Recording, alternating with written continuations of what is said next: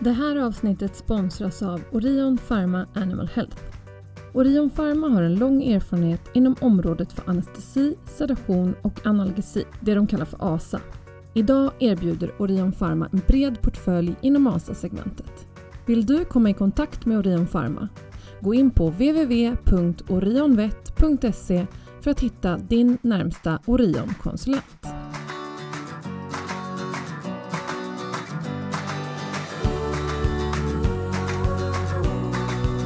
Välkommen till Allt för friskare djur, en podcast från Svevet. Det här är podden för dig som jobbar inom djurens hälso och sjukvård. Eller för dig som bara är nyfiken på vår bransch. Vi strävar efter att varje avsnitt ska ge dig som lyssnar ny kunskap och inspiration. Jag heter Nathalie. Och jag heter Maria. Följ med oss när vi träffar spännande gäster från alla hörn och kanter av veterinärbranschen i Sverige. Tillsammans gör vi ju allt för friskare djur.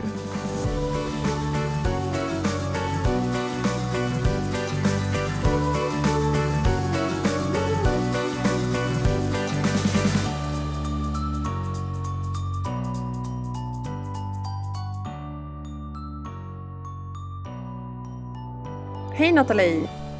Hej Maria! Hur är läget?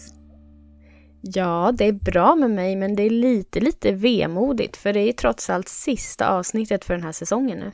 Ja, det är ju det. Och eh, det har ju varit en jätterolig säsong. Vi har träffat så himla många spännande gäster och haft massa bra ämnen. Eh, men nu är det sommarlov. Ja, sommar och sol och bad Mm. är det som gäller nu. Så kommer vi tillbaka med nya härliga och väldigt, väldigt spännande avsnitt till hösten igen. Precis. I höst kommer vi ta upp ehm, aktuella ämnen som arbetsmiljö, vi kommer prata lite akut sjukvård eh, och vi har lite andra idéer också. Men eh, du som lyssnar på det här får ju såklart jättegärna höra av dig till oss ifall du också har idéer. Och eh, e-postadressen Nathalie, vad är den? Den är som alltid podcast.svevet.se eller podcast svevet.se. Jag har förstått att alla inte vet vad ät betyder när Mm. man slarvigt säger på det viset. Precis, podcastsved.se. Eh, och så finns vi på sociala medier också såklart och där heter vi kort och gott Svevet. Idag har vi med oss en eh, jättespännande gäst. Ja, det har vi. Vi har med oss Lena Rosengren. Precis, Lena är djursjukskötare och eh, Veterinary Technician Specialist i anestesi och analgesi. Hon jobbar på Evidensia Valla djursjukhus och hon är med oss idag för att prata om anestesi, om eh, sin utbildning och att upplysa oss eh, om nyheter och updates på området, men också för att svara på lite lyssnarfrågor i ämnet. Hej Lena, välkommen till podden. Hej, tack. Kan inte du berätta lite om dig själv? Vad har du för utbildning till exempel? Jag har ju gått eh, djursjukskötarutbildningen i Skara när den var där. Eh, och jag gick den tvååriga då. Eh, så jag gick ut 2002 blir det. Hur länge sedan nu. Eh, och sen har jag eh, utbildat mig vidare efter det. Eh, och framförallt inom anestesi är väl det som jag tycker är det bästa med mitt jobb. Eh, så jag har satsat väldigt mycket på anestesiutbildningar. Eh, kanske inte de två första åren när jag var färdig, men sen blev det bara mer och mer utav det. Eh, så jag har väl läst så mycket som jag kan i det och den senaste som jag läste väl var väl den amerikanska specialistutbildningen eh, som som man kan göra på distans då. Eh, var den senaste och den eh, var jag klar med 2017. Gick upp på examen där. Så det är väl det, det senaste som på min, den, den utbildningen som jag har. Ja, för visst är det så. Det är inte så många i Sverige som har den här utbildningen som du har ifrån USA. Nej, det är än så länge bara jag inom anestesin. Sen eh, finns det ju en, en tjej som jobbade på Blå Stjärnan som tog den i eh, intensivvård. Så vet jag inte om det har kommit någon mer inom intensivvård där. Eh, så det, det, det är väl eh, vi som, som finns eh, som har tagit den. Det, det är ju det som är eh, lite liksom brist på är ju vidareutbildningar när man vill liksom eh gå djupare eh, med anestesi och så eh, i Sverige än så länge. De håller väl på att titta på det eh, vad jag liksom vet, eh, men det är inte riktigt klart än.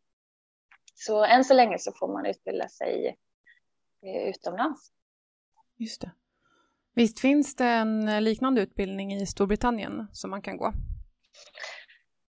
Eh, ja, det gör det ju. Den ska ju också vara eh, onlinebaserad. Eh, sen, jag vet, jag tittade ju på båda. Eh, och eh, sen varför liksom jag valde den amerikanska är väl framförallt just eh, för då vet jag att man behövde liksom åka och vara på plats eh, eh, för eh, vissa föreläsningar och så. Och det är väl liksom eh, kostnad och om man kan och liksom få ledigt och sådana saker. Eh, så blev det att jag valde den den amerikanska utbildningen eh, för det. Eh, sen är de ju lite olika uppbyggda. Eh, den engelska utbildningen är ju eh, med just liksom föreläsningsklasser och så. Den amerikanska är ju mer eh, men det är nästan som, jag vet inte om man kan riktigt säga att det är anestesi, som anestesispecialisterna när de ska gå upp för veterinärerna är att man gör en fallbok eh, och bevisar liksom att man kan utföra eh, massor med olika fall och så eh, och ha fördjupad kunskap om det och sen så får man plugga jättemycket till en massiv tenta för att tenta av det sen. Eh, så det är väl det som är skillnaden. Jag vet att den engelska har att man gör ett mindre antal fall och sen att man eh, får redovisa det, men det, det är lite, lite mindre. Eh, och sen just att man man eh, har sina lärare här. Den amerikanska är ju mer liksom att man går bredvid sin veterinär och man ska jobba jobb, alltså de kräver ju rätt så mycket för att man ska gå upp på den amerikanska. Man ska jobba en viss tid också och bevisa att man söver väldigt mycket också. Eh, så att de har en, en tidsaspekt och hur mycket man jobbar med anestesi. Det har ju inte den engelska utbildningen utan det, vad ska man säga, det är mer som en eh, jag vet inte om de jag tror när jag tittade på dem så hade de inte specifika krav liksom så att man måste söva liksom visst antal timmar på ett år så. Mm. Eh, men här är ju att du ska jobba en viss tid och eh, jag tror det är minst 60 eh, procent av det ska du ju söva. Mm. Eh, och sen så ska du ju kunna söva allt upp till ASA 5 det är ju liksom, du måste kunna bevisa att eh, du kan hantera liksom alla former av anestesier. Så det är ju lite kanske skillnad på um, krav tror jag för att söka utbildningen. Så kan man väl säga att de skiljer sig. Den andra har inte så mycket krav utan du kan gå den som liksom mer som en kurs. Och sen så får du ju liksom ett diplom där. Här är det ju kanske en annan nivå, eh, med lite högre nivå för att det är mer eh, krav på och du behöver också eh, gå bredvid eh, en specialist för att liksom bevisa dina kunskaper också som ska signera att du kan där du säger att du eh, har enligt en lista då, som man ska gå efter.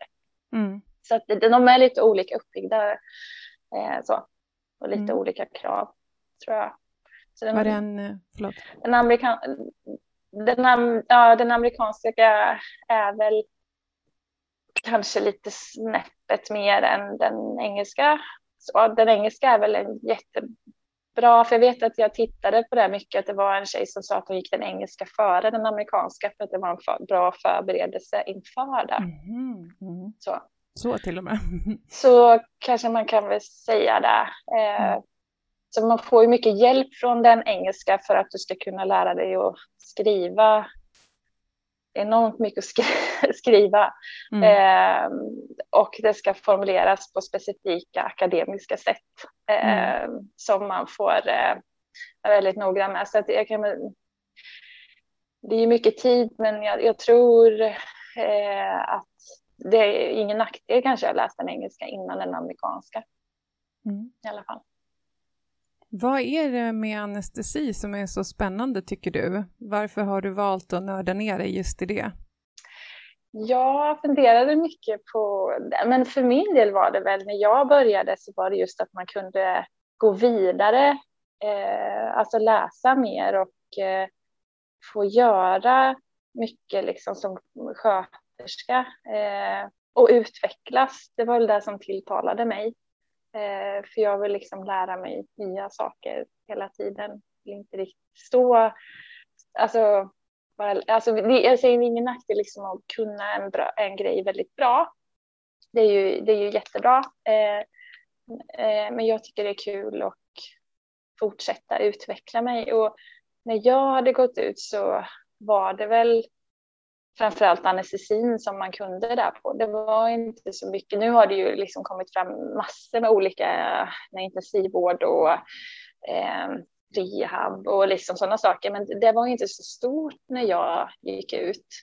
Eh, utan då var det framförallt anestesin och sen tyckte jag att det var det, det var ju, det är ju läskigt och så, men, men eh, väldigt givande också. Mm.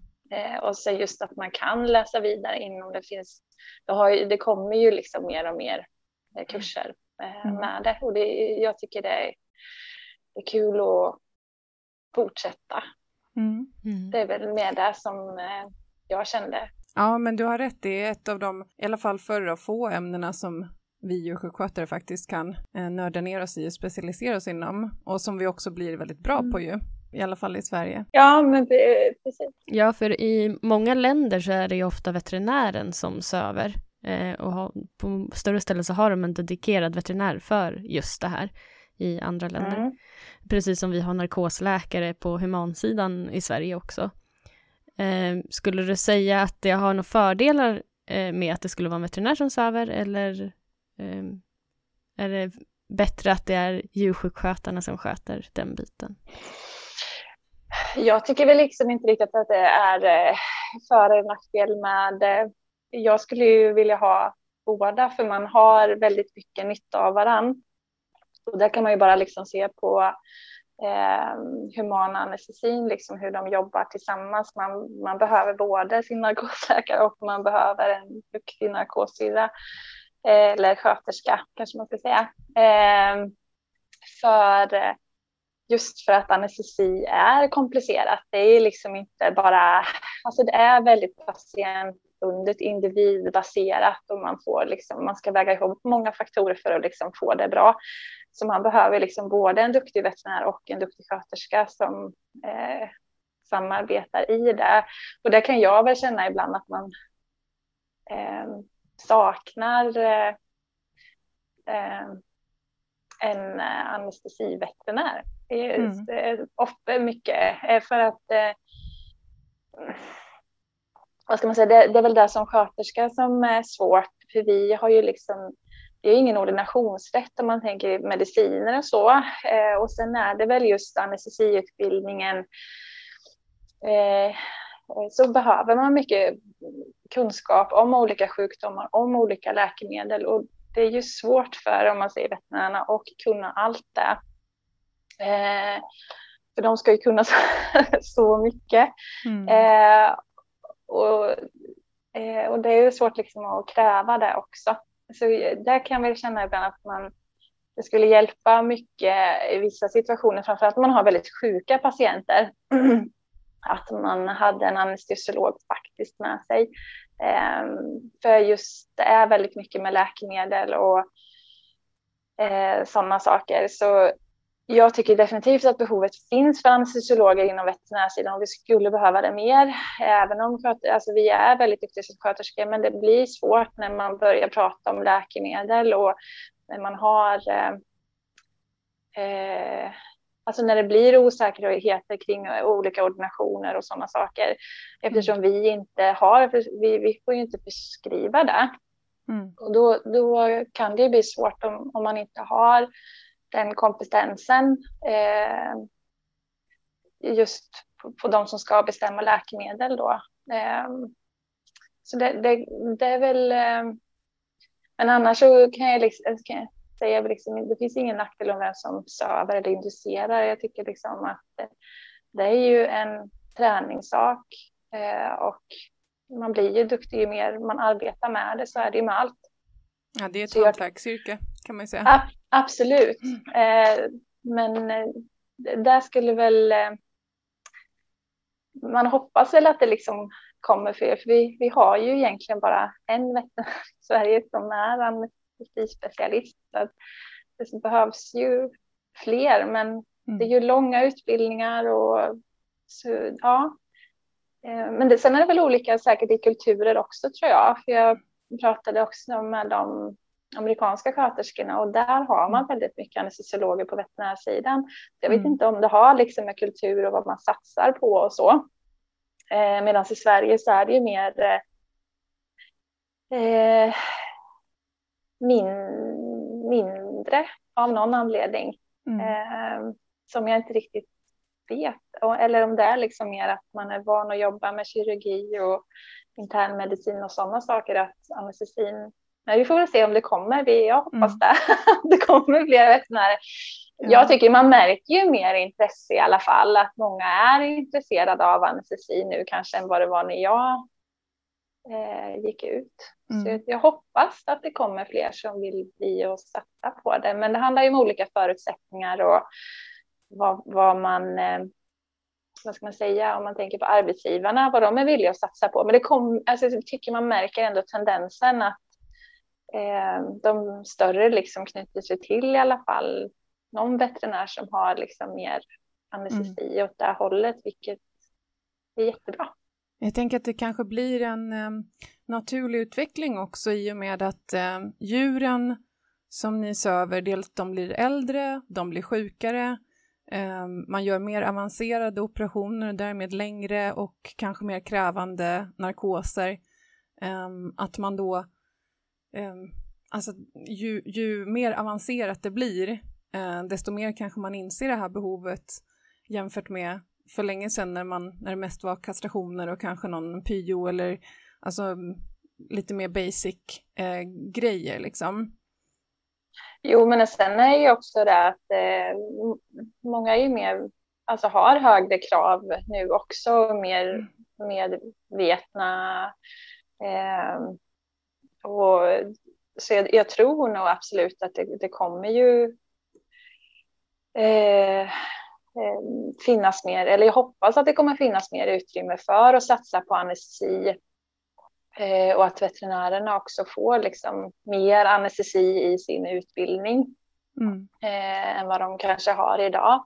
Eh, men som sagt, de ska ju täcka väldigt mycket eh, och man har ju mycket att liksom, av att lära kanske på humansidan, för det kommer ju kanske veterinärvården också drabbas av när vi får mer avancerad vård, att man faktiskt måste specialisera sig inom specifika ämnen. Man kan inte vara allmän, i, mm. alltså kunna allting, för det börjar bli mer och mer avancerat. Men det, mm. det, jag, jag, tror vi, vi börjar ju närma oss där.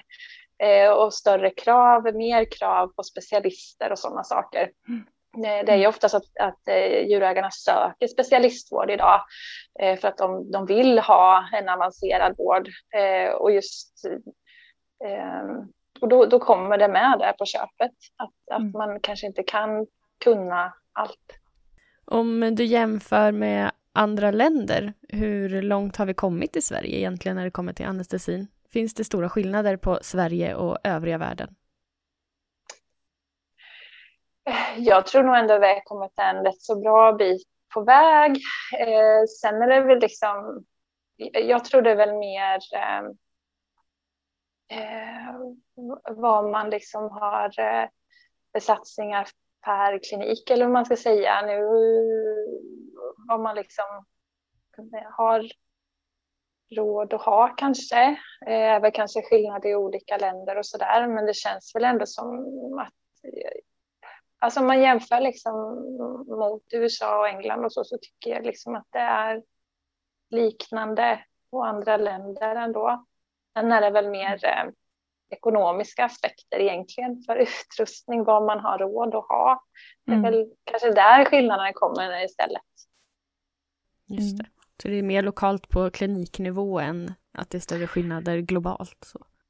Ja, det tror jag nog. Sen, ja, men som liksom är som vi sa innan, vad man har för eh, kultur. Men, men, men, i grunden så liknar det ju sig, tycker jag, när man liksom pratar med kollegor så hur man eh, söver och så. Sen det finns ju alltid liksom olika lagar och regleringar, liksom hur yrket ser ut och vad sköterskor får göra och inte göra. För det kan ju skilja sig lite olika i olika länder. Så. Mm. Eh, det, är väl, det är väl den som kanske är den större skillnaden och vad, vad man har för... Ja, men det är som ni sa innan, alltså i vissa länder så är det, finns, är det bara veterinärer som de gör allt.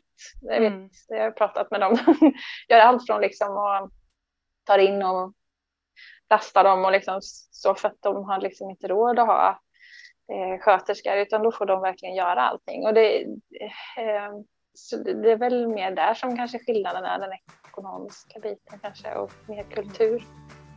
Och djurhållning också. Ja.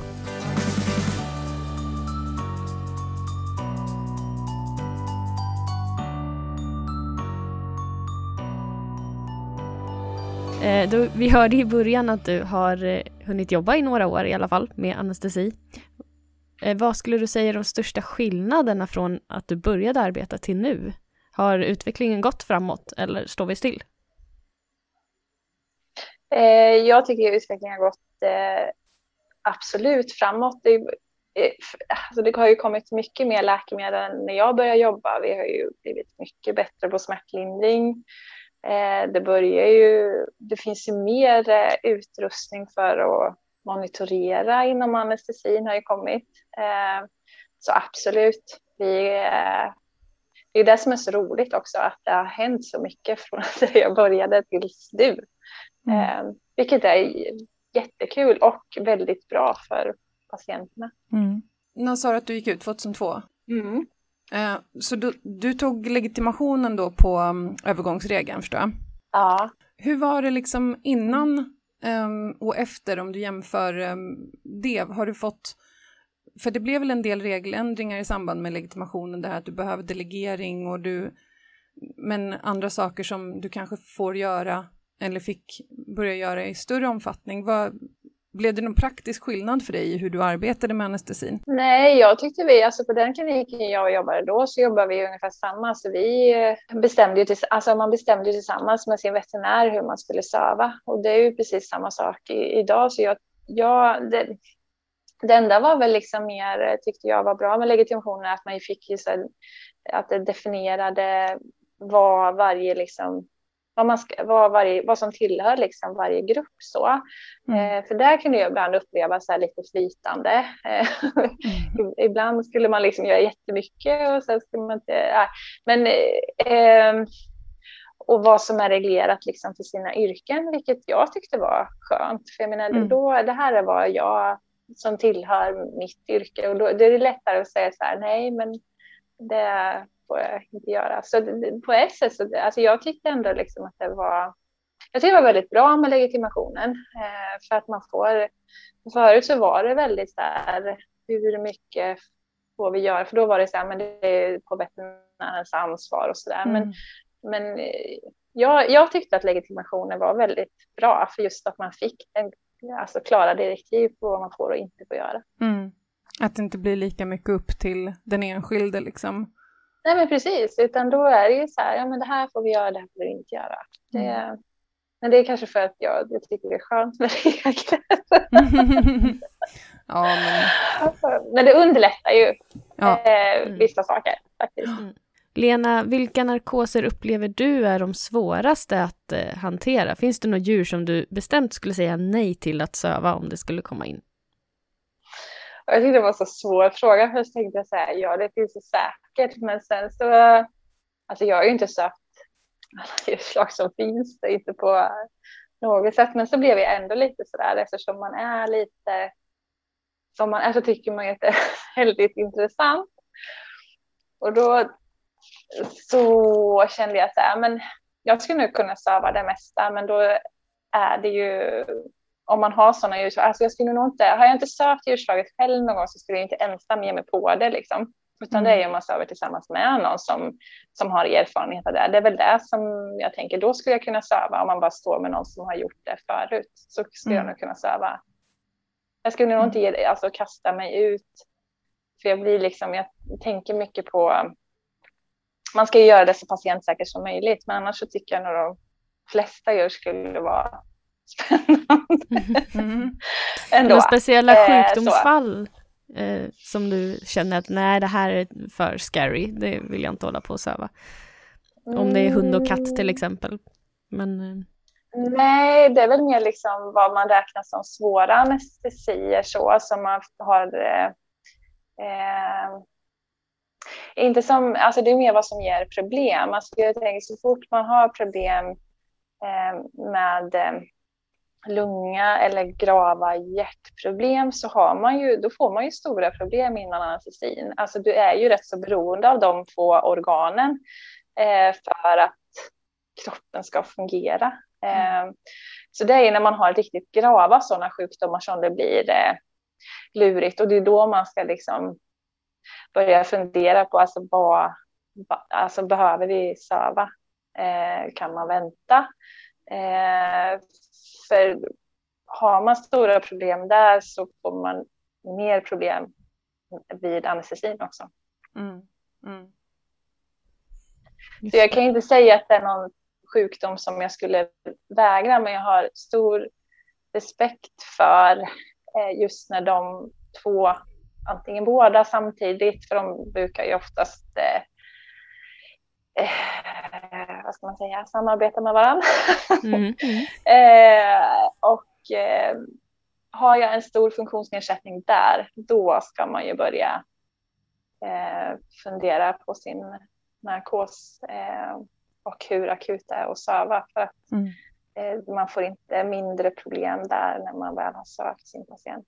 Har man inte en normal funktion där så kommer det bli problem för att man sätter ner den normala funktionen under anestesin. Och det är där som man då får förbereda sig mycket inför. Men jag kan inte säga att jag har någon specifik sjukdom som jag säger, nej jag vill inte söva den. Nej. Men det är då det börjar bli svårare. Mm. Mm. Och kanske Så. roligare också, för det blir lite utmaning i vardagen. Ja, eh, det, det, blir det ju. Eh, absolut. Man, eh, då får man kämpa med dem. Söver du um, eller jobbar du akut någonting? Jobbar du någon jour så att du söver akutpatienter också? Mm, jag jobbar jour. Du jobbar bara jour kanske? Vi, vi glömde att fråga det, vad, vad du jobbar med. Eller liksom vad du gör om dagarna. Nej, men jag, ja, nej, men jag jobbar på operationsavdelning eh, liksom vardagar, men jag jobbar på ett större sjukhus och vi går ju jourer också och kvällar. Mm. Och det är oftast då de kommer. Mm. Sen kommer det även liksom mitt under dagen också så man får kasta om hela sitt schema. Och det är väl det som livet på operation är. Man får konstant vara liksom, eller narkos, man får vara beredd på liksom att nej men det blir inte riktigt som man har tänkt sig. Mm. Eh, man får vara väldigt flexibel och ibland är det fantastiskt jobbigt och ibland är det väldigt kul när det fungerar. Eh, så det är både och, det är upp och ner. Mm.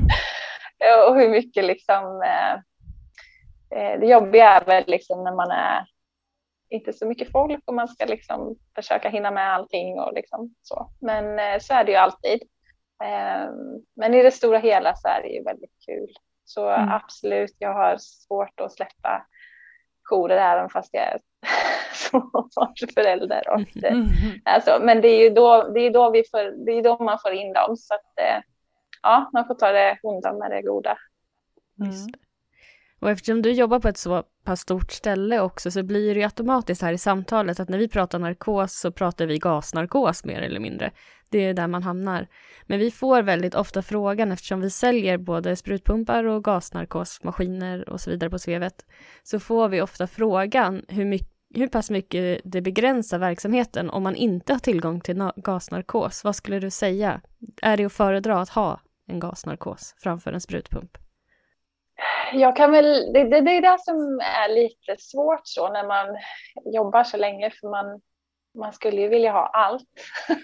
Mm, men så är det ju begränsningar och det är ju begränsningar i krig. Men det som, och nu kanske jag ger ett luddigt svar på det här, men så är det ju oftast med narkos. Det finns liksom inga klara det här ska du göra, vilket man, jag har insett efter flera, flera år, för det var det som jag tyckte var jobbigt.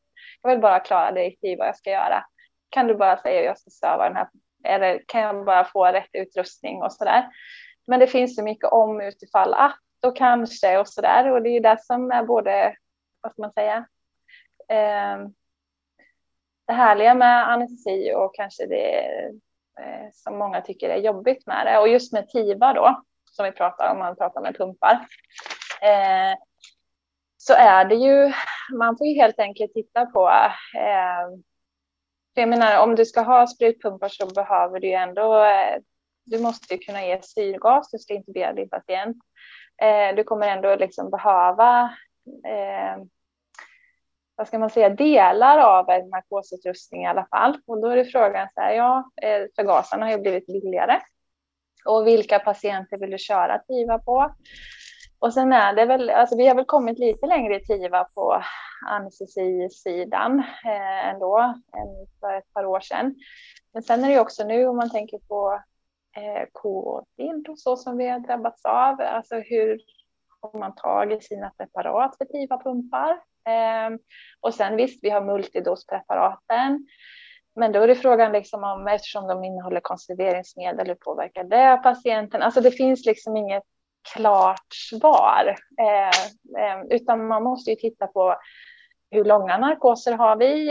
Eh, visst, man kan ju köra längre än narkosoperativa också, men jag tror ett av preparaten i alla fall, vissa studier finns ju så max, alltså det finns en maxtid för TIVA. Och då är mm. frågan liksom, hur långa narkoser ska vi ha?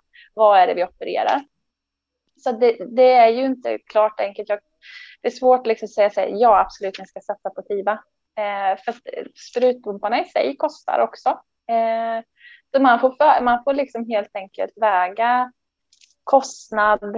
Eh, finns det tillgång till preparat? Framför allt nu ska man ju tänka på det också. Mm. Eh, och sen eh, vad har man för typ av klinik? Alltså hur långa narkoser har man? Och eh, så får man liksom sätta sig ner och eh, kolla, blir det verkligen billigare att köra? Alltså, billigare att köra TIVA är det ju.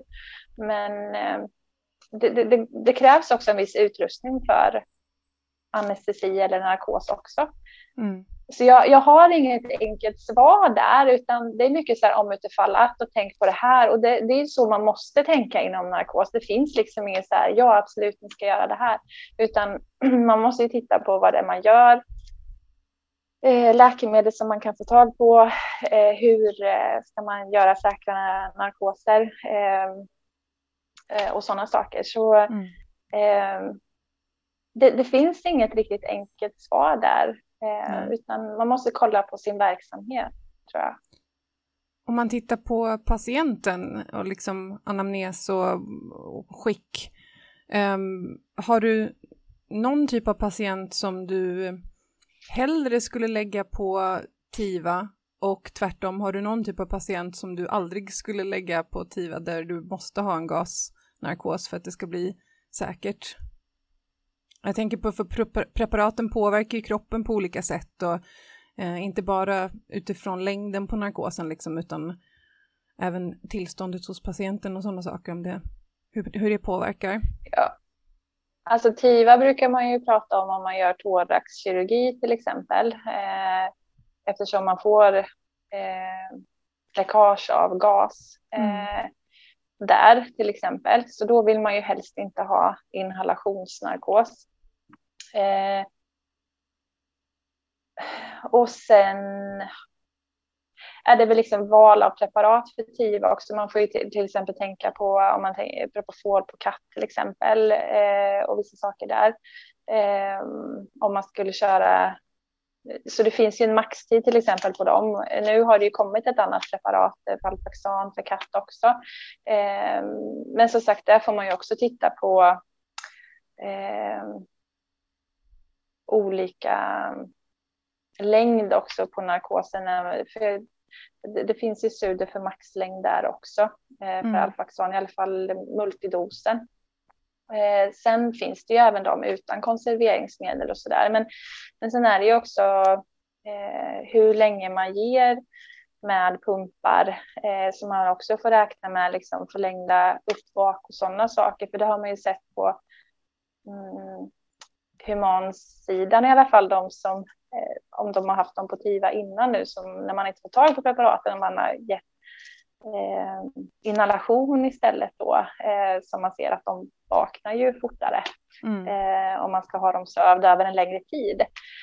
Eh, så att, eh, det, det, är ju inga riktigt liksom kanske enkla svar för val eh, där heller. Det är väl lite så, så, som det är. Alltså, mm. eh, det finns alltid för och nackdelar med allt. Eh, mm. Och eh, vilka man väljer att ha eller inte ha på. Jag, menar, jag tänker om man har liksom svårt sjuka leverpatienter, skulle man välja TIVA då? Kanske inte. Mm. Eh, du har ju problem med metabolismen. Eh, och eh, du får ju förväntad förlängt uppvak och då ska man ju liksom gå ner på mindre doser. Och sen är det också så här när du ger TIVA, du kanske behöver ha fler sprutpumpar då för att kunna hålla nere eh, eh själva narkosmedlet eh, då. Mm. Och då har du ytterligare liksom kostnader där också. Så det är ju inte, eh, vad ska man säga, det finns inget svart eller vitt. Nej, på vad man ska ha eller inte ha, utan det är ju man, det är ju det som är med anestesi, man ska ju anpassa det efter sin patient så bra som möjligt. Det är mm. väl där man har sin riktlinje egentligen. Vad är det för fel på den här patienten? Hur behöver jag anpassa min, vad är mitt, mitt narkosval efter det? Och sen framför allt också den personen som söver, vad är man, eh, vad, Eh, för det pratar man ju också om anestesören, alltså att man ska, den ska ju vara van vid preparaten man väljer, för det ger mm. ju också en säker narkos. Alltså är man inte van vid någonting, då är det ju också högre risker med det. Eh, så det, det, är ju eh, det är väl det som sammanfattningsvis, att man, man, man ska ju försöka anpassa sitt anestesiprotokoll efter den patienten man söver. Sen finns det alltid för och nackdelar med allt. Mm, mm. Jag har eh, inget enkelt svar där. Nej. Nej. men, men det, det, känns ganska det tryggt. Jag tänkte säga, det känns ja. ganska tryggt att experten inte har ett eh, självklart svar heller.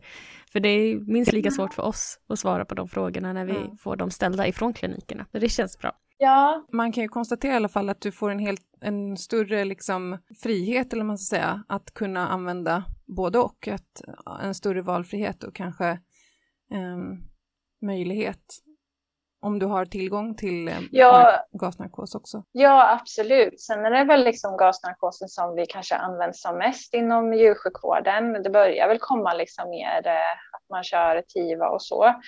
Eh, och det finns ju väldigt mycket bra aspekter med det om man tänker liksom på inhalationsgaser och deras miljöpåverkan och även på påverkan liksom på anestesiologer. Nu har man väl liksom sett att det är inte Alltså man ska arbeta på ett säkert sätt. Så gör man det så är ju att man utsätts för dem, riskerna är ju liksom eh, inte så stora då, men det är ju just att man ska kunna arbeta på ett sådant sätt med utsug och liksom, eh, mm. sådana saker. Då. Men mm. eh, eh det är ju, eh, ja, det, jag tycker nog att man får, man får försöka hitta eh, det som fungerar. Men jag kan ju inte säga att det är ju inte alltid fördelar med TIVA, som vi sa sagt på alla patienter. Det är inte alltid fördel med inhalation för alla patienter. Så mm. att, eh, det är ju faktiskt patienter som styr. Och mm. sen är det också, kan, kan man inte ge, att man känner att man kan ge en optimal eh, liksom, narkos eller känner sig säker så, så kan man ju remittera dem också eh, mm. om man känner så. Den möjligheten finns ju. Um, vi, vi, var inne lite grann på olika typer av läkemedel och läkemedel för induktion. Och hur, har du några läkemedelsfavoriter som du inte vill vara utan? Ja, jag skrattade för jag pratade med min mm. sambo om det. vi jämförde. Eh, han, han, jobbar ju, ja, det är ju familjeanestesi, men han, jobb, han jobbar ju också med narkos. Men, men eh, Eh, då, då, men jag försökte se, tänka på det, för det är också det där när man blir så här, skulle jag kunna vara utan något och vad är mitt favorit? Och sen tänkte jag, vad, vad är det jag kan använda mest? Och jag landar väl, alltså jag, jag det här är också lite, när man säger det, men opioiderna tycker jag väldigt mycket om. Alltså mm. Alltså man kan ju göra så mycket med dem. Du kan ju de kan ju ha viss sederande effekt, de har ju smärtlindrande effekt, du kan söva med dem.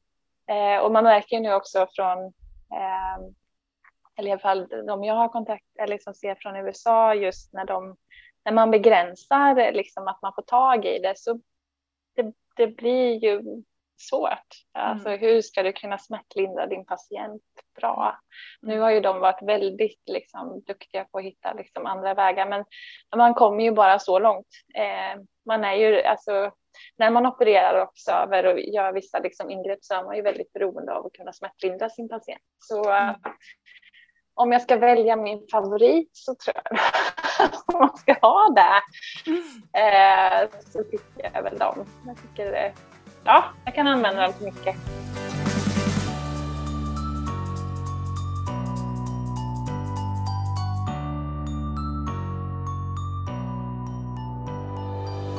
Vi har ju samlat på oss lite lyssnarfrågor också för att våra lyssnare ska kunna få vara aktiva och få reda på det de önskar få reda på ifrån experten på anestesi. Och en av de frågorna som faktiskt dök upp mer än en gång, det var det här med ventilator om huruvida man ska ha ventilator eller inte ventilator eh, till sitt narkossystem. Och vad säger du där? Ska man ha en ventilator? Eh, då kommer vi in på det här igen så, vad som svart eller vitt, om man behöver det eller inte, utan det är ju igen vad för typ av operationer man utför på sin klinik. Jag har arbetat länge utan ventilatorer, men jag har också när man kommer upp till större akutsjukhus så får man ju in patienter med eh, thoraxskador, eh, eh, öppen in till thorax och sådana saker, eller diafragmabrock och så. Och då är det jobbigt att sitta och manuellt ventilera dem. Då är det ju större liksom säkerhet att ha en ventilator så man kan bestämma volymer och tryck och sådana saker när man sitter och handventilerar en hel operation som tar tid. Då behöver man nästan vara två sköterskor och eh, om man ska eh, göra det. Så att eh, man, man, man kommer ju liksom långt med ett vanligt narkossystem. Men, och, och framförallt liksom om man tänker att man eh, har en, en dagklinik. Men sen är det ju eh, vilka patienter man söver egentligen. Eh, om man är ett behov av ett ventilator. Det börjar ju Sen är det ju som de skrev, alltså att det börjar ju Alltså vi i Sverige har ju köpt mycket system från humansidan och då, deras system kommer ju mer in och integrerade ventilatorer.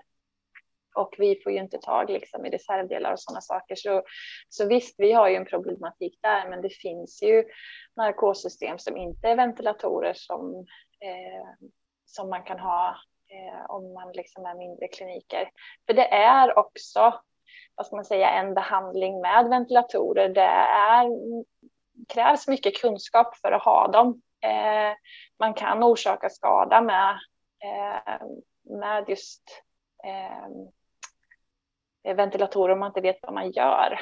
Eh, så eh, det krävs mycket utbildning eh, eh för att ha det. Man, man, ska veta vad man gör, för man, man tar ju bort den normala andningen och eh, gör saker liksom i kroppen med tryck och cirkulation och så när man inleder en mekanisk ventilation. Så eh, det är ju som med allt, man, man ska veta vad man gör. Jag tycker absolut att det finns patienter som eh, behöver eh, vara på ventilator. Men sen så har man inte den typen av kirurgi och så, så är det väl frågan om behovet finns där. Man, man kommer ju långt på att de ligger och spontanventilerar. Ehm, så det är väl mitt svar. Återigen, liksom, vad, vad har man för operationer och så? Det, eh, jag vet att det är många gamla humansystem som nu inte finns reservdelar till och så längre, men, men det, det finns alternativ eh, som inte är ventilatorer. Mm.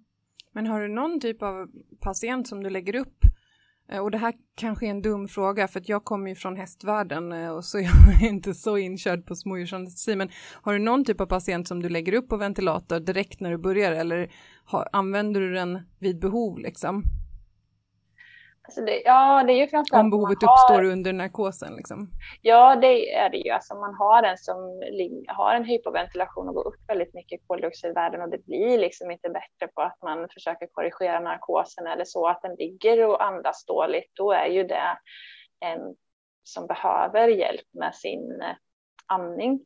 Eh, eller om man har de som har, ja, man tänker ett jätte, en jättestor utfyllnad i buken, alltså det trycker enormt på, på lungorna och de har ju en sämre ventilation. Eh, eller just om du har en thoraxskada, för då har du ju inget undertryck i lungan. De kan inte ventilera sig normalt. De måste man ju ventilera. Eh, så det är väl kanske framför allt om man har en, en hypoventilering, alltså man eh, patienten syresätter sig inte, kan inte ventilera ur sig, då är ju de det är ju en indikator för att man ska börja ventilera sin patient. Eh, framför allt. Eh, och det är väl de eh, som man behöver om man har en ventilator koppla upp liksom. Eller så får man ju eh, ventilera dem. Men det är ju eh, som sagt, har man långa narkoser och sitta och manuellt ventilera blir jobbigt mm. i slutändan. Mm. Vet du om det är någon praktisk skillnad på om man har ett vanligt narkossystem, eller ett löst säger jag, kallar jag det för, lite slarvigt, men och sen köper till en ventilator till det, eller om man köper ett färdigt system där det är inbyggd ventilator, är det någon skillnad på de två systemen? Har du koll på det? Ja, det beror på vilken typ av ventilator man... Alltså det är ju, man får ju titta om man har ett... Alltså det finns ju ventilatorer som man kan sätta ut, men man får ju se om det går och liksom hur man kan bygga ihop det. Mm, att de är ehm, kompatibla. Ja, men precis. Mm. Eh, och sen så får man ju också, för det finns ju två olika typer av ventilatorer. En är baserad på volym och en är baserad på tryck. Så det är ju också liksom vilken ventilator man väljer att köpa. Eh, och det är ju två olika liksom. Eh, där finns det också skillnader om man tittar på eh, säkerhet och eh, storlek på patienter och sådana saker. Så att, eh, ventilering är ju eh, det kanske är, det är ju enklast att liksom börja eh, kanske med en volymventilator, men sen när det börjar liksom handla mer om eh, om man har patienter med specifika lungproblematik och så. Och framförallt om man går ner till mycket små patienter så har man ju, alltså det är där man kör mycket på humansidan är tryckventilation just för att det ska vara så patientsäkert som möjligt.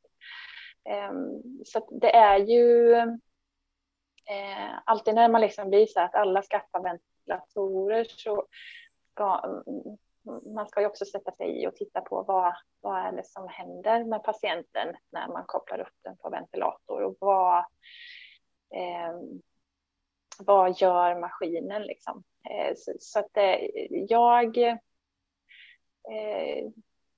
jag tycker att man ska kolla vad, vad behovet man har och typ av ventilator man behöver och hur ofta man har tänkt liksom och, och vad man har för patientbehov helt enkelt. Det är ju inte säkert att du, alltså har du liksom dagklinik så är det inte säkert kanske att du får in det och jag menar får du in en patient med en kollapsad lunga då kanske man inte väljer att söva den just där utan man kanske just som sagt picka den då för att man eh, um, inte kan liksom med, med den liksom sövningen som det innebär köra den på den kliniken. Men det, det är ju upp till den, de, de, som, hur man jobbar och så, tänker jag. Mm. Eh, men det, det, är ju det är ju ändå, vad ska man tänka, en typ av behandling som man gör med ventilator och man ska veta vad man gör. Mm, just det. Mm. Vi har fått en till lyssnarfråga. Och det är, ska vi ha syrgastuber eller en syrgasgenerator? Vad tycker du är bäst? Jag har ju faktiskt jobbat med båda.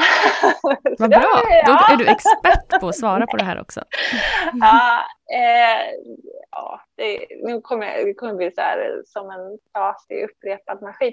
Men det är ju också där fördel och nackdelar finns ju med båda. Eh, tuber så har du ju liksom eh, ett säkert, oftast system om de inte tar slut. det får man mm. hålla koll på. Eh, och med syrgasgeneratorer, alltså det finns ju en mängd där. Men det man ska tänka på med syrgasgeneratorer, det min förra klinik som jag jobbar, är ju att man behöver ett eh, backup-system. För får du ett strömavbrott eller att den slutar fungera, det vill säga att den, vi hade ju en säkerhetsspärr när den gav syre under en viss nivå så hade vi tuber som gick in för att kunna säkerställa våran eh, narkos, alltså så att man liksom inte droppar helt i syret under en drift. Eh, så hade vi extra tuber till det. Så även fast man har en syrgasgenerator så måste du göra någon form av backup, för får du strömavbrott så fungerar de inte. Det gör ju mm. syrgastuberna. Och de låter ju jättemycket. Mm, ja. Så våran, våran stod på utanför byggnaden i ett eget litet förråd. Eh, jag har ju varit med om de portabla som man har inne, de låter jättemycket. Eh, mm. Men de får också koppla... Liksom... Oh. Ja. Nej, jag tänkte säga de portabla får du ju koppla en 10 meter slang till så du kan ställa den i rummet utanför och du kan dra den slangen också. Det har vi precis nyligen kollat upp så därför kan jag säga det.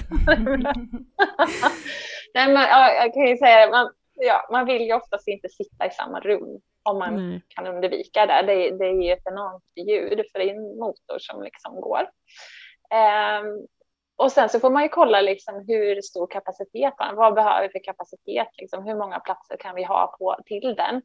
Så att det är ju funktion och eh, vad man behöver. Eh, och sen behöver det ju ändå en form av support till den som man får tänka på. Då kommer du ändå ha tur. Men, eh, så att det, det är det väl. Jag tror inte man undkommer att ha en syrgastub riktigt om man ska tänka eh, för någon form av backup. Och sen så får man ju bara kolla kapaciteten på sin syrgasgenerator. Eh, och vad man ska ha för olika eh, backup-system med den. Eh, så nej, jag har jobbat med båda, men det är ju eh, jag, jag, jag, kan inte säga att det liksom är någon nackdel med syrgasgenerator. Det är ju bara att man får tänka på det i sådana fall. Så att man har det. Men vad är fördelen då jämfört det. med en tub? För det låter ju som att tub måste man ju ha oavsett liksom.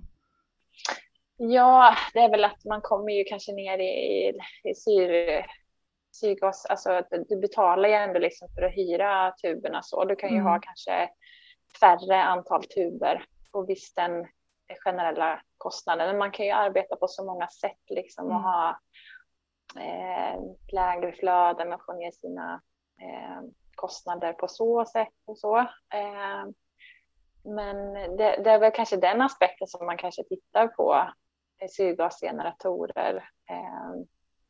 Men man kommer ju inte riktigt ifrån att det fortfarande, den är beroende av ström. Mm. Mm. Så mycket narkosutrustning börjar bli faktiskt. Det, det, får man ju också tänka på. Mm. Um, nästa fråga då. Att köpa en flaska Sevofluran, det är typ dubbelt så dyrt som en flaska Isofluran. Men jag har fått höra från många kollegor att de ändå kör med Sevofluran.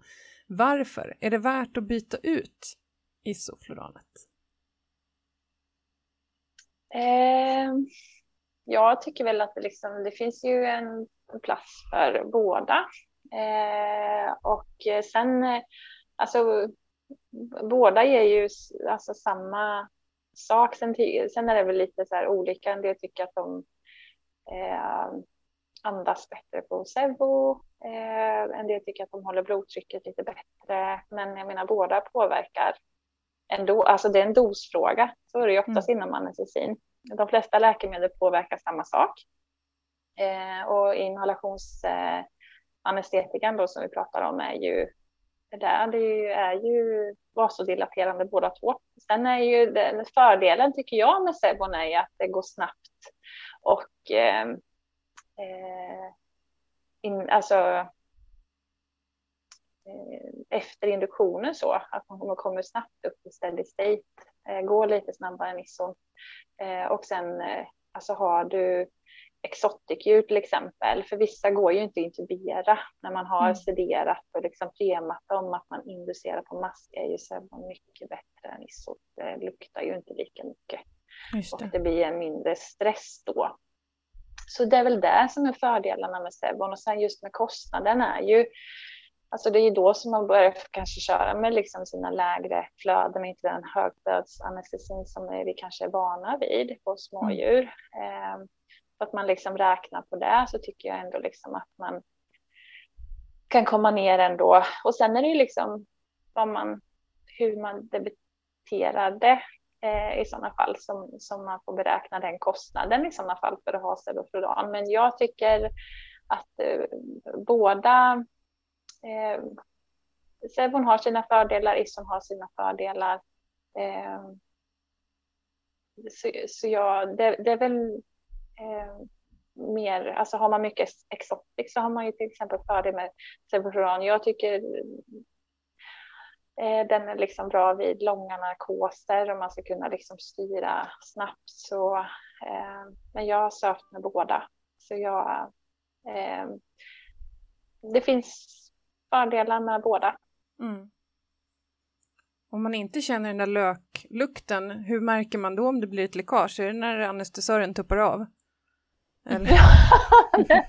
ja, men precis. Ja, men det är väl det som, om man ska säga för den här, att alltså, Sebon luktar ju inte, så man får ju ehm, eh, det är just det med läckage. Eh, sen är det ju hur känslig man är, men eh, ehm, jag tycker, eller ja, man får man, ha bra grejer helt enkelt som inte läcker. Ja, ja. vara noga med Nej, sina tester. Och trycktesta. Det, ja, det är väl det. Man får vara noggrann med sin utrustning för att undvika mm. det.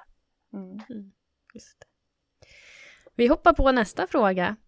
Vilken anestesilitteratur kan du rekommendera? Jag söver främst hund och katt, men även andra smådjur förekommer.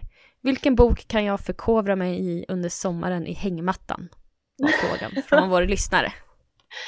Eh, jag har väl kollat på fyra böcker ändå. Mm. Som är lite favoriter. Men Besava-manualen är ju, den har ju kommit, nu kom ju den 2016, den tredje upplagan. Den tycker jag är väldigt bra. Men den är ju lite stor för hängmattan om man ska kolla på stor. eh, och släpa med sig också. Eh, men jag vet inte, den kanske finns som e-bok. Eh, då kan man ta sin telefon eller padda. Eh, sen har det kommit en ny, eller nej, relativt ny, 2018 kom ju den. Eh, den heter det är ju analgesi och anestesi för den sjuka och skadade patienten som är jätteduktig, eller det är flera veterinärer som har skrivit, men eh, hon är väldigt duktig på Linding och anestesi. En kanadensisk veterinär som heter Carol A. Matthews och Tamara Grubb som säkert många kanske har lyssnat på också här i Sverige. Den är riktigt bra, tycker jag. Det står mycket om olika sjukdomstillstånd och de rekommenderar liksom bra, tycker jag, i den. Sen har det faktiskt kommit också 2018 om kattanestesi. Hon Sheila Robertson har ju med flera skrivit en bok. Våra katter är ju mm, är lite, det är faktiskt inte hundar. Den är också mm. Eh, och sen har det ju kommit en 2020, nu kommer nya böcker, eller jag. Ja, det gör vi. Eh, då har det ju kommit en som heter eh, anestesi och smärthantering för sköterskor som också Tamara mm. och flera eh, just VTS-sköterskor i USA har varit med och skrivit. Jag har dock inte läst den men det jag har hört att man som säger bra. Vad roligt. Så det är jättekul ja. att det kommer ut nya böcker. Så jag tar med de fyra för jag tycker att eh, dels kattanestesi, det är bra. Nu har jag inte med någon på häst men eh, eh, ja, Eh, du ursäkta, det... du jobbar väl bara med små Men ja, om man ska vara bred, men ja. Eh, så de fyra kan jag väl säga, men som sagt, de andra är ju, de, Besavan är stor och klumpig, de andra är lite mindre. Mm. hängmattan. Toppen, bra tips. Då har vi tips även för regniga dagar och kunna sitta inomhus och läsa den stora boken. Ja, det kan man ta. Det låter bra. Eh, om jag ska söva en patient med kraftigt blåsljud, vad ska jag tänka på då? Är nästa fråga. Ja, alltså den är ju lite lurig för att blåsljud är ju egentligen ett symptom. Då är det frågan om vilket hjärtfel man tänker på. Så det är lite olika för hantering av olika hjärtfel. Eh, men om man ska eh,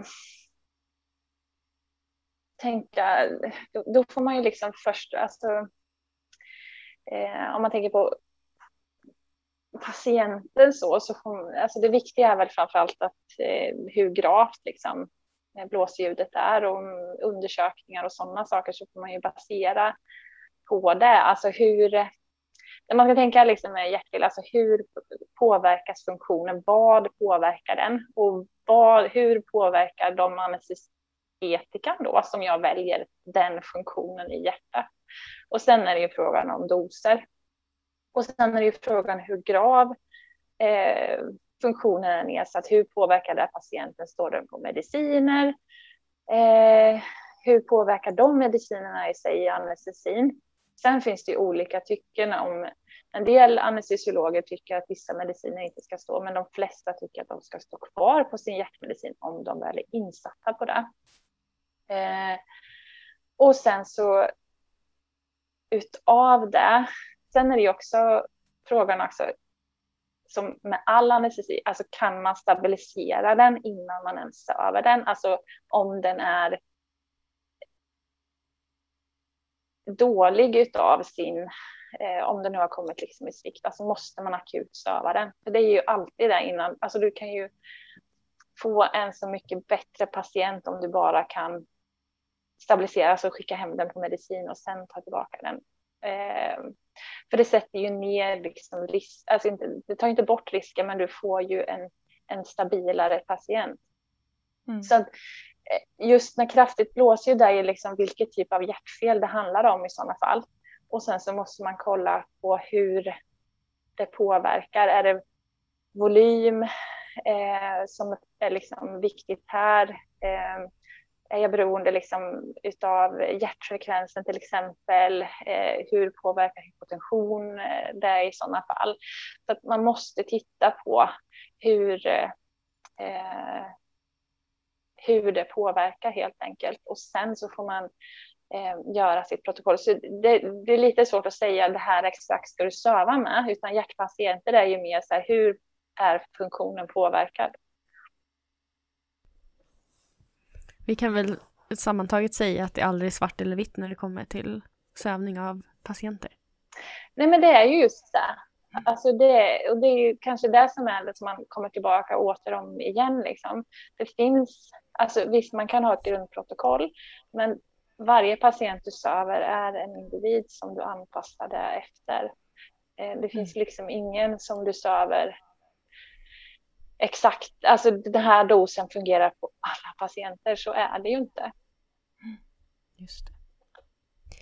Vi har en sista lyssnarfråga som jag tror kommer ifrån en lyssnare som håller på att bygga upp någonting nytt.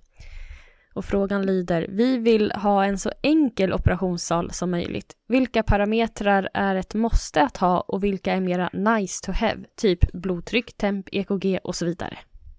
Vad säger experten? och jag som, det, jag, jag, när jag läste den så, jag älskar ju övervakning. Ja.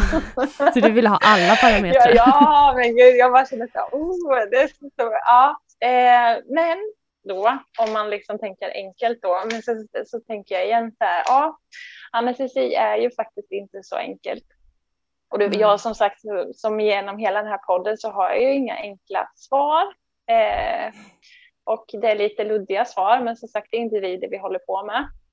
Om man ska tänka så. Eh, och just med övervakningsutrustning då, om man ska välja så eh,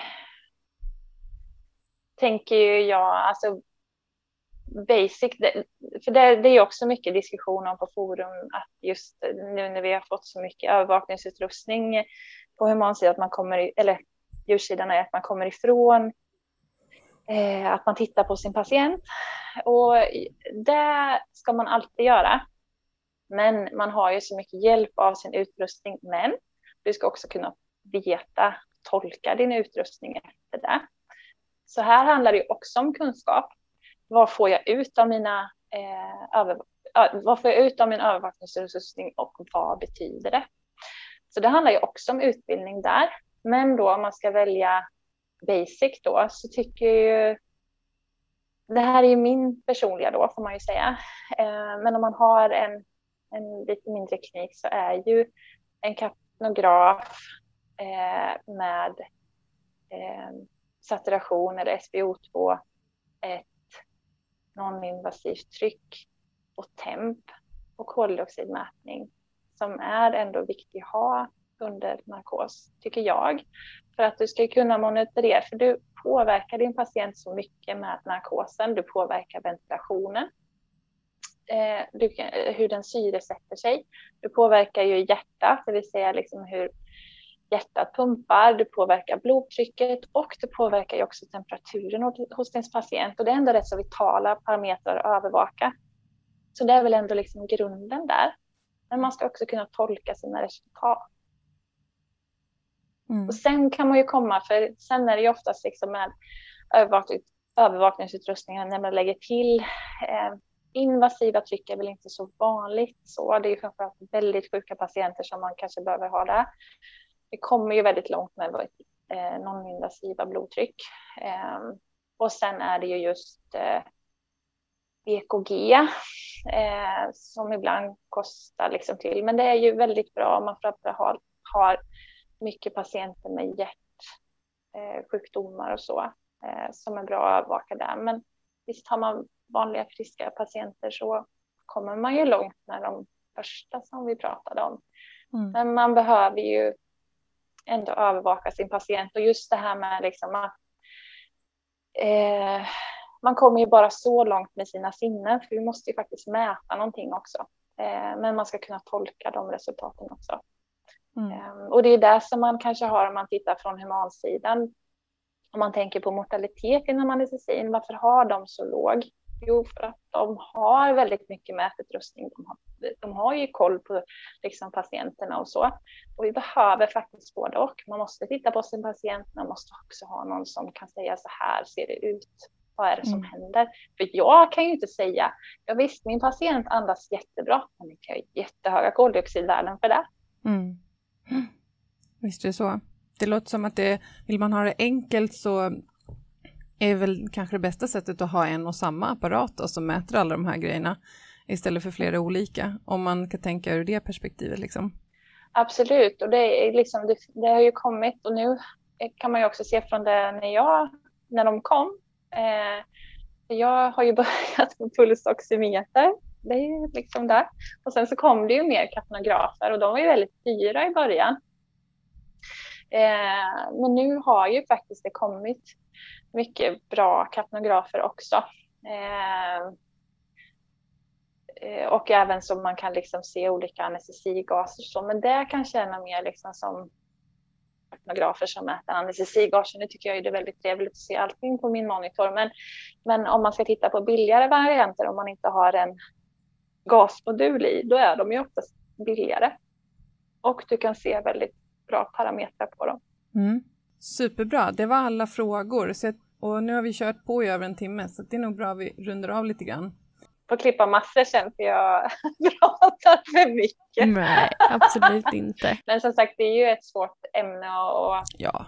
hålla kort för det är ju så här, vad ska man säga, det är ju, ja men så, det, det, är sällan svart på vitt att det här mm. är bäst, det här är inte bra och så. så att, ja, men som sagt, jag vet själv när, när, man, när jag började så ville jag ha så, ja men det här, så här ska jag göra. Men ju mer man läser desto mer eh, eh man blir väldigt ödmjuk inför det. Liksom. Det finns liksom inga svart på vitt, liksom, att så här ska du göra. Eh, för att patienterna varierar så mycket och du anpassar dig efter dem. Mm. Um, så att det, jag har blivit mer sådär att ju mer man läser desto mer inser man hur mm. lite man vet. Mm. Hur komplext det är. Ja men, ja, men det är ju så. Det är ju fantastiskt eh, intressant och det kan vara fantastiskt svårt. Så det är mm. både frustrerande och roligt och det är väl därför man tycker att, eller håller på med det man gör. Mm. Härlig slutkläm. Till sist har vi en fråga som vi ställer till alla våra gäster i den här podden och det är om det finns något speciellt ämne eller en speciell person som du hade velat höra att vi tog in som gäst här i Allt för friskare djur? Eh, jag kommer inte på just eh, någon exakt ämne eller person just nu så jag kanske får återkomma om jag kommer på något bra. Det låter bra. Det låter som att vi har täckt in ganska mycket i den här podden ändå så att vi det kan vara svårt att komma på några nya. Bra ämnen som har varit innan. Så det, ja, jag har svårt att komma på något eh, just nu i alla fall. Mm. Då får du jättegärna återkomma när du har klurat på den lite mera. Jag får lura mer. Mm. Jajamän. Ja, Tack snälla Lena för att vi fick prata med dig idag. Ja, tack själva. Det var jättekul att vara med. Mm. Om man vill komma i kontakt med dig Lena, hur bör man se åt då? Man kan ju höra av sig på min mejl om man vill. Eh, det kanske inte kan vara akuta frågor där bara eh, eftersom jag jobbar ju också. Så mm. Eh, det är så svårt att svara momentant och jag hinner oftast inte sitta bredvid datorn när jag springer omkring på operation heller. Men visst så kan man få om man har någon fråga så ska jag försöka svara så gott jag kan. Men det ser man ju liksom bara här att ibland kan man ju säga specifika saker men sen är det mycket om mitt fall att och hur och hur fungerar det så. Men eh, min mejladress är ju lena.rosengren.evidensia.se Och om du vill komma i kontakt med oss så mejlar du bara till podcast svevet.se och med din feedback och eh, tips på nya ämnen. Det stämmer. Tack snälla Lena för att vi fick prata med dig och tack också till Orion Pharma som har sponsrat det här avsnittet. Och tack till alla er som har lyssnat. Vi hörs igen när vi kommer tillbaka i nästa säsong i höst. Vi längtar redan efter er. Ha en härlig sommar. Hej då! Hej då!